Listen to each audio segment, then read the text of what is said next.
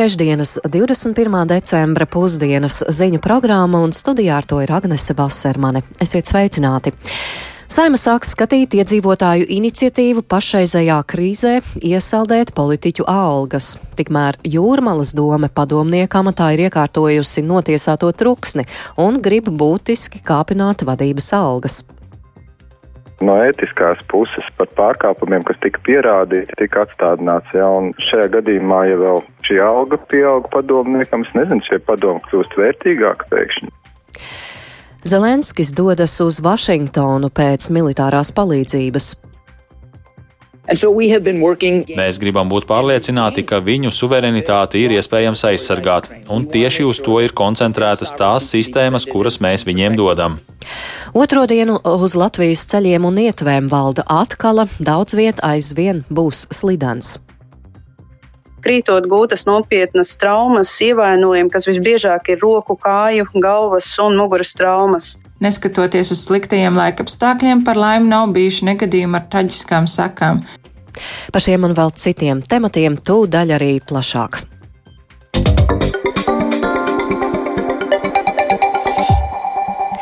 Mandātu, ētikas un iesniegumu komisija pašlaik sāk vērtēt vairāk nekā 10 tūkstošu Latvijas pilsoņu kolektīvo iesniegumu par algu iesaldēšanu valsts prezidentam, ministriem un citiem tautas kalpiem. Iniciatīvas autori norāda uz nesamērīgu atalgojumu palielināšanu atsevišķās pozīcijās un uzskata, ka pirms algu palielināšanas sevi būtu jāpierāda darbos. Saimas deputāti šajā jautājumā sola iedziļināties. Vairāk Jāņa Kīņšas sagatavotajā ierakstā. Krīzes un inflācijas laiks nav piemērotākais brīdis, kad runāt par atalgojumu palielināšanu politiķiem. Tā vērtē iniciatīvas iesniedzēja Nora Freimane. Pērn pieņemtās atlīdzības reformas rezultātā budžeta izdevumos papildu aptuveni 3 miljonu eiro novirzīti algu celšanai politiskajiem amatiem. Par to iepriekš vēstīja Latvijas televīzijas raidījums de facto. Savukārt ministriju ierēģu un citu valsts pārvaldē strādājošo algām, kuru celšana bija atlīdzības reformas galvenais nolūks, budžetā nauda nav iedalīta. To turpina iniciatīvas autore Nora Freimane. Tur, kur tiešām ir algas zemas, kā piemēram ministriju darbiniekiem pašiem tiem, kas ir reālā darba veicēji, tur šādi algu pieaugumi nav nedz dzirdēti. Tur, kur konkurence nav, tur mēs algas esam gatavi tik nenormāli pacelt. Un par to, no kurienes tā nu, līdzekļu izcelsme.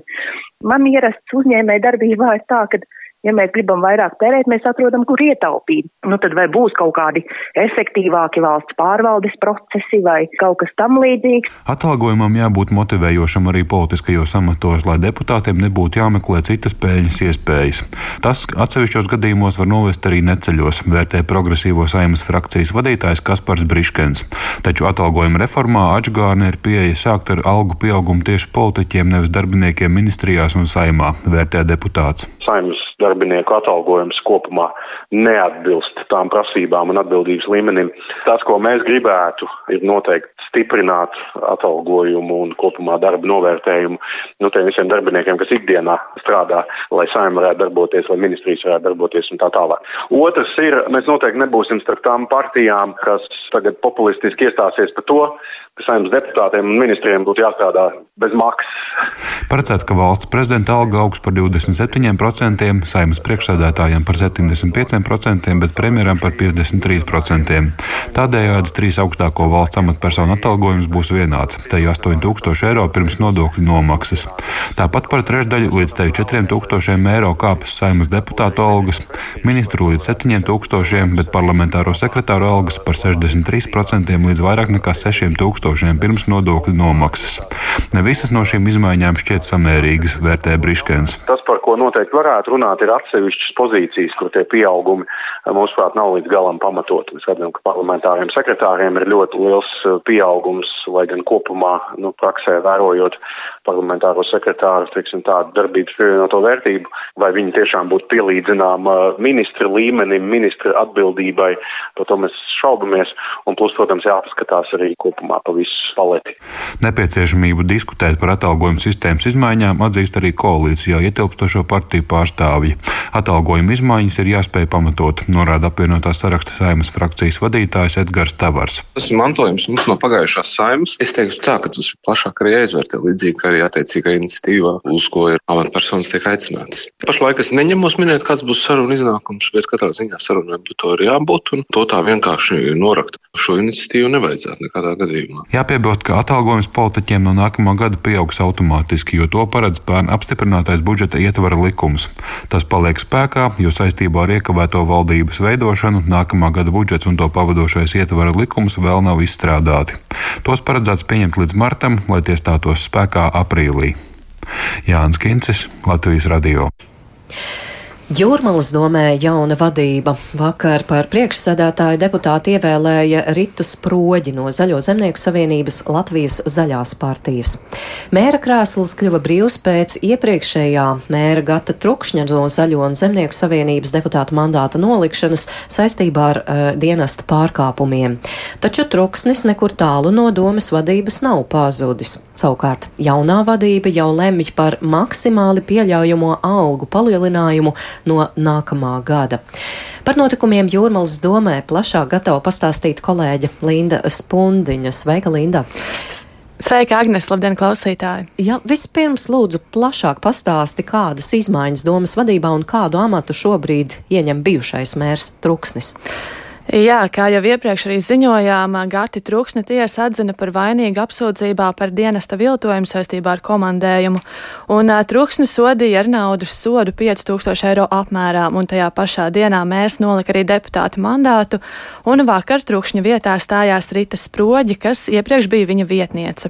Savukārt tagad Trūksnis ieņem priekšsādātājas padomnieka amatu, un te vēl jāpiemina, ka deputāti vakar lēma par izmaiņām pašvaldībā atstājot agrāko divu domu domas priekšsādātāja vietnieku vietā tikai vienu, un šajā amatā ievēlēts ir Jānis Lediņš no Zaļo un Zemnieku savienības. Mm, bet šie nav vienīgie jaunumi. Plānotas ir izmaiņas arī Jūrmalas domas deputātu algās. Jā, un vakar deputāti saņēma arī lēmumu projektu, kurā rosināts palielināt maksimāli iespējamajās robežās deputātu algu, to starp arī vadības, un šodien komitejā šo lēmumu apstiprināja. Plānots, ka rīt būs ārkārtas domas sēde, kurā iespējams jau deputāti par šo lēmumu arī balsos. Un par pašām algas izmaiņām, lai varētu labāk tās paskaidrot, ir tā, ka deputātiem, visām amatpersonām pamata algu rēķina no vidējās valsts algas tā arī šogad palielināsies aptuveni par 100 eiro.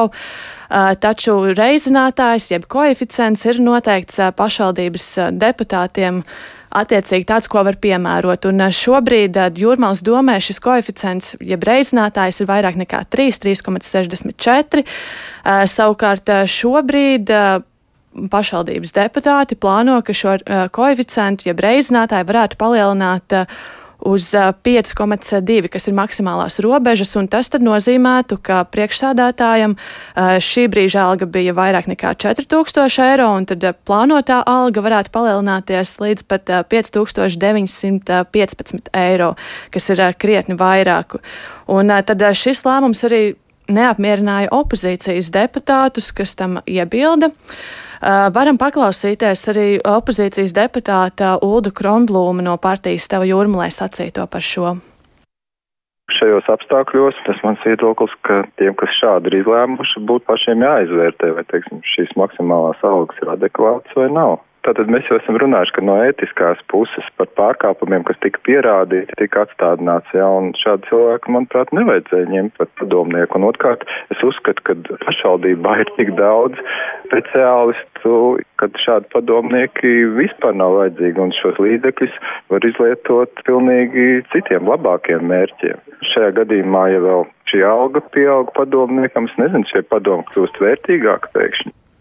Jā, kā dzirdējām, Kronblūms runā arī par padomnieku algām, jo šeit ir būtiski jāatzīmē tas, ka Truksnis ir priekšādātājs padomnieks, un padomnieka alga savukārt tiek aprēķināta procentuāli no paša priekšādātāja algas. Līdz ar to, ja priekšādātājiem mēs, ne mēs, bet viņi paši pacels šo atalgojumu, līdz ar to arī padomniekiem šī alga būs lielāka, taču šobrīd nav zināms, cik procentuāli šo algu aprēķina padomniekam, bet iepriekš iepriekš ir zināms tas, ka tas ir 60% apmērā bijis vietnieku padomniekiem. Uh, nu, tad arī gaidīsim un domāsim, ne, bet uh, sakosim līdzi notikumiem, ko tad uh, domnieki lems rīt. Jā, paldies kolēģei Lindai Spundiņai par šo stāstījumu par izmaiņām Jūrmālas domas vadībā. Jā, un turpināsim sekot līdzi šajā domē notiekošajam.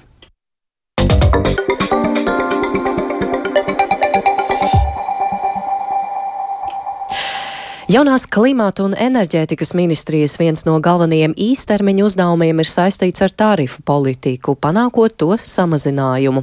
Tā Latvijas radio sacīja jaunais klimata un enerģētikas ministrs Raimons Čudars no jaunās vienotības. Viņš uzsvēra, ka jau ir skaidrs, ka kopējais sadalas un augstsprieguma tīklu tarifu pieaugums būs par pusi mazāks nekā sākotnēji plānots ir mērķis novērst lielu pieaugumu, jo pieaugums ir saistīts ar pavisam objektīviem apstākļiem. Mēs saprotam, ka elektroenerģijas cenas kopumā Eiropā un pasaulē būtiski aug, un tā ir liela daļa no šo tarifu komponentes. Šobrīd jau ir skaidrs, ka var tikt panākts kopējais samazinājums aptuveni par pusi salīdzinot ar iesniegto tarifu pieaugumu. Mēs runājam par pieaugumu. Tad pieaugums mm. bija paredzēts vienā gadījumā 104%, vienā gadījumā ap 70%. Faktiski mēs šobrīd var, varam runāt, ka kopējais pieaugums būs uz pusi mazāks. Bet, eh, protams, vēl ir jautājums par to, kā šis tarifs sadalās starp lietotājiem. Tā klimata un enerģētikas ministrs Rēmons Čudars. Savukārt komentējot Eiropas Savienības noteiktos un no 15. februāra ieviešamos gāzes cenas griestus, ministrs Čudars pauda bažas par gāzes pieejamību. Tāpat tādi ierobežojumi neveicināšot sašķidrinātās dabasgāzes piegādes Eiropai, kas savukārt varot izraisīt deficītu.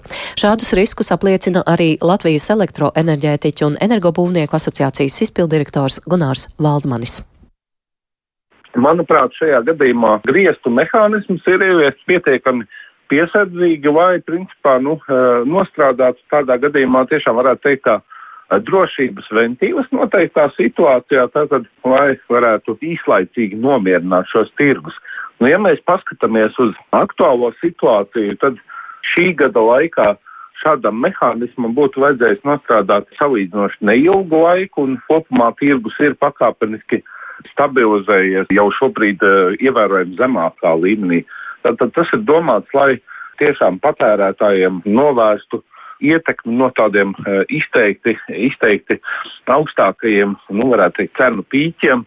Tādus, kādus mēs, piemēram, novērojam vasarā, vairākas dienas jau 200 eiro atzīmi, 300, tad no īslaicīgām tādām spekulatīvām darbībām tas galvenais mērķis bija izvairīties. Bet kā tas atsauksies uz Latviju? Visticamāk, tomēr eh, liela daļa no patērētājiem eh, tiešā veidā neizjutīs. Tas ir drīzāk kā tiešām tāds drošības ventilis.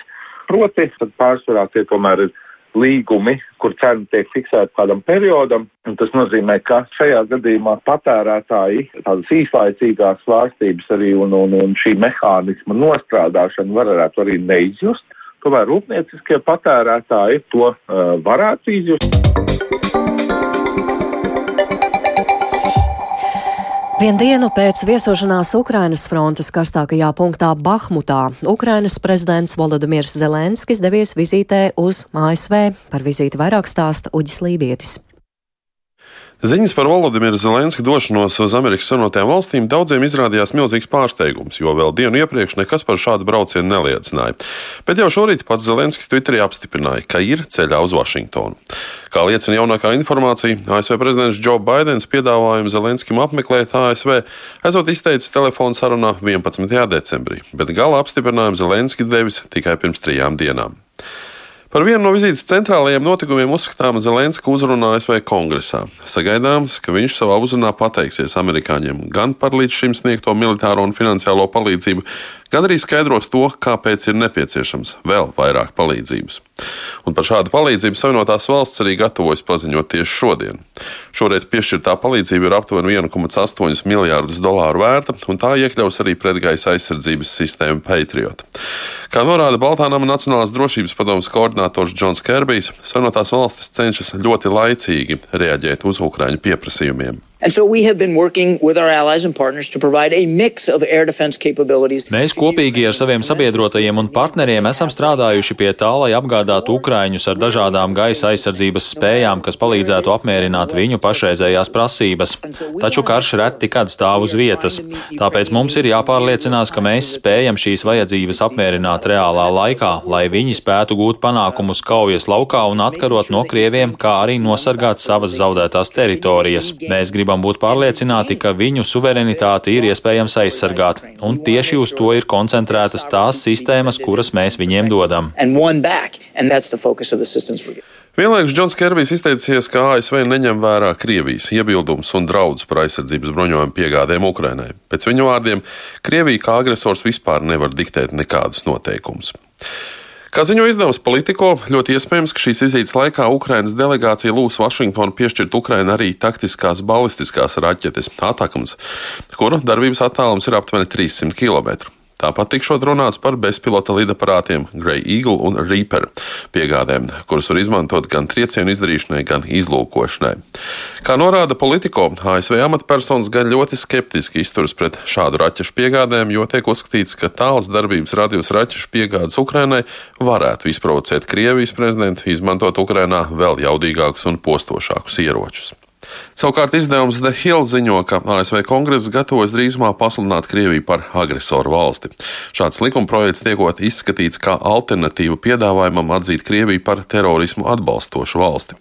Šo piedāvājumu amerikāņu varas iestādes jau ir noraidījušas. Jaunais likumprojekts ļautu atzīt Krieviju vai jebkuru citu valsti par agresoru valsti, ja ASV prezidents izlems, ka šī valsts piedalās karā pret Ukrainu. Tāpat ASV prezidentam paredzēts piešķirt pilnvaras ieviest sankcijas pret jebkuru personu, kura ir atbildīga par agresijas noziegumiem, saistību ar tiem vai arī šīs agresijas līdzgaitniece. Uģis Lībijams, Latvijas Radio. Tikmēr darbu Kijivā turpina Latvijas radiožurnālisti Indra Sprānce, un pirms brīža mums bija iespēja ar viņu sazināties. Vakardien pagāja tehniskajiem dienestiem ļoti intensīvā tempā, lapojot uh, visu to, kas ir izpostīts uh, Krievijas pēdējo uzbrukumu laikā, atgādināšu, ka ir atsākušies masīvi uzbrukumi Ukrainas galvaspilsētai, un uh, gan ar raķetēm, gan ar bezpilotu droniem, un pēdējais no tiem bija 19. decembrī. Un, uh, ļoti liela daļa no raķetēm un droniem, ko sūta Krievija, Ukraiņiem izdodas notriekt, bet daži tomēr sasniedz mērķi un, un diemžēl, nodara milzīgas postījumus. Amatpersonas situācija ar elektroapgādi pilsētā un Kīvas apgabalā raksturo kā joprojām kritisku. Kīvas apgabalā tur tiek minēts, ka varētu nebūt elektrība tuvākās šīs divas, trīs dienas. Un, protams, lielas problēmas ir arī ar centrālo siltumu apgādi. Un, vakar tika ziņots, ka Kīvā bez stabilas elektroapgādes palikušas desmit katlu mājas. Kā rezultātā turpat pusotrs simts galvaspilsētas dzīvojamā ēku palikušas bez siltuma. Tā jāsaka, ka laika apstākļi Kīvā nav tie patīkamākie, proti gaisa temperatūra šobrīd svārstās ap nulli.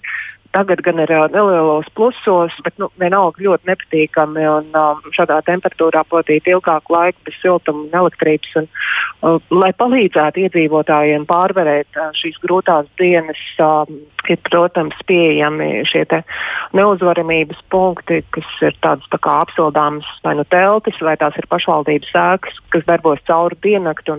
Tur iedzīvotāji var doties sasildīties un arī uzlādēt savas ierīces. Droši vien šie punkti ir plaši apmeklēti. Kādi tavi novērojumi? Jā, patiešām cilvēki daudz apmeklē. Šajās dienās esmu pabijusi vairākos šādos punktos, un tur dežurējušais personāls stāsta, ka cilvēki nāk Viņi nāk straumītēm un viena ierodas, lai sasildītos, un um, dažkārt teltīs pavada pat vairākas stundas. Taču pārsvarā viņi nāk uzlādēt savus ierīces. Un, um, šie punkti ir arī ļoti ērti tiem iedzīvotājiem, kas ierodas galvaspilsētā nokārtot kādas darīšanas vai vienkārši caurbraucot. Un, un te jāsaka, ka Kīva šobrīd uzņem ļoti daudz cilvēku no austrumu apgabaliem, kur izdzīvošanas apstākļi ir vēl daudz sarežģītāki. Jā, un Indra, rezumējot, kāds ir cilvēku noskaņojums kara 300. dienā? ļoti dažādi. Tik tālu, cik man bija iespēja aprunāties ar daļu no cilvēkiem, viņi nu, saka, ka pie notiekošā ir pieraduši, viņi ir iemācījušies izdzīvot šādos apstākļos, bet, protams, visi gribētu kara un visu šo šausmu beigas. Lai arī pēdējo nedēļu laikā jūtam pieaugusi intensitāte, ar kādu Krievija uzbruk Kīvai, iedzīvotāji cenšas tomēr iespēju robežās saglabāt kaut kādu savu dienas ritmu. Un pat, piemēram, skolas pat pēc vairāku stundu ilga gaisa uzlidojuma atsāk klātienes darbu. Ir skolas, kur bērni atgriežas skolas solos un, un turpina mācības.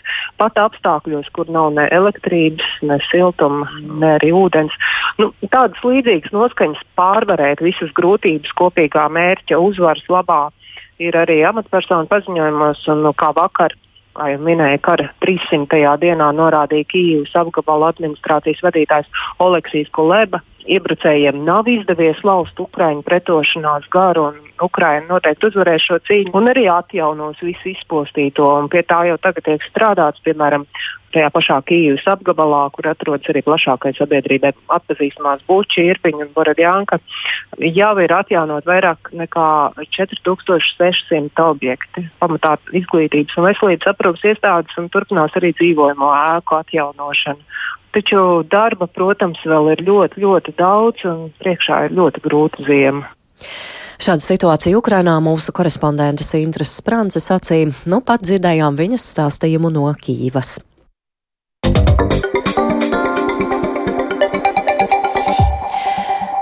Un jau otro dienu uz Latvijas ceļiem un ietvēm valda atkala. Kādas sekas tā radījusi, stāsta Viktors Demidovs. Sniegam un ledum kūstot vakaru uz ielām traumas guva daudz cilvēki, no kuriem 61 mediķi nogādāja ārstniecības iestādēs.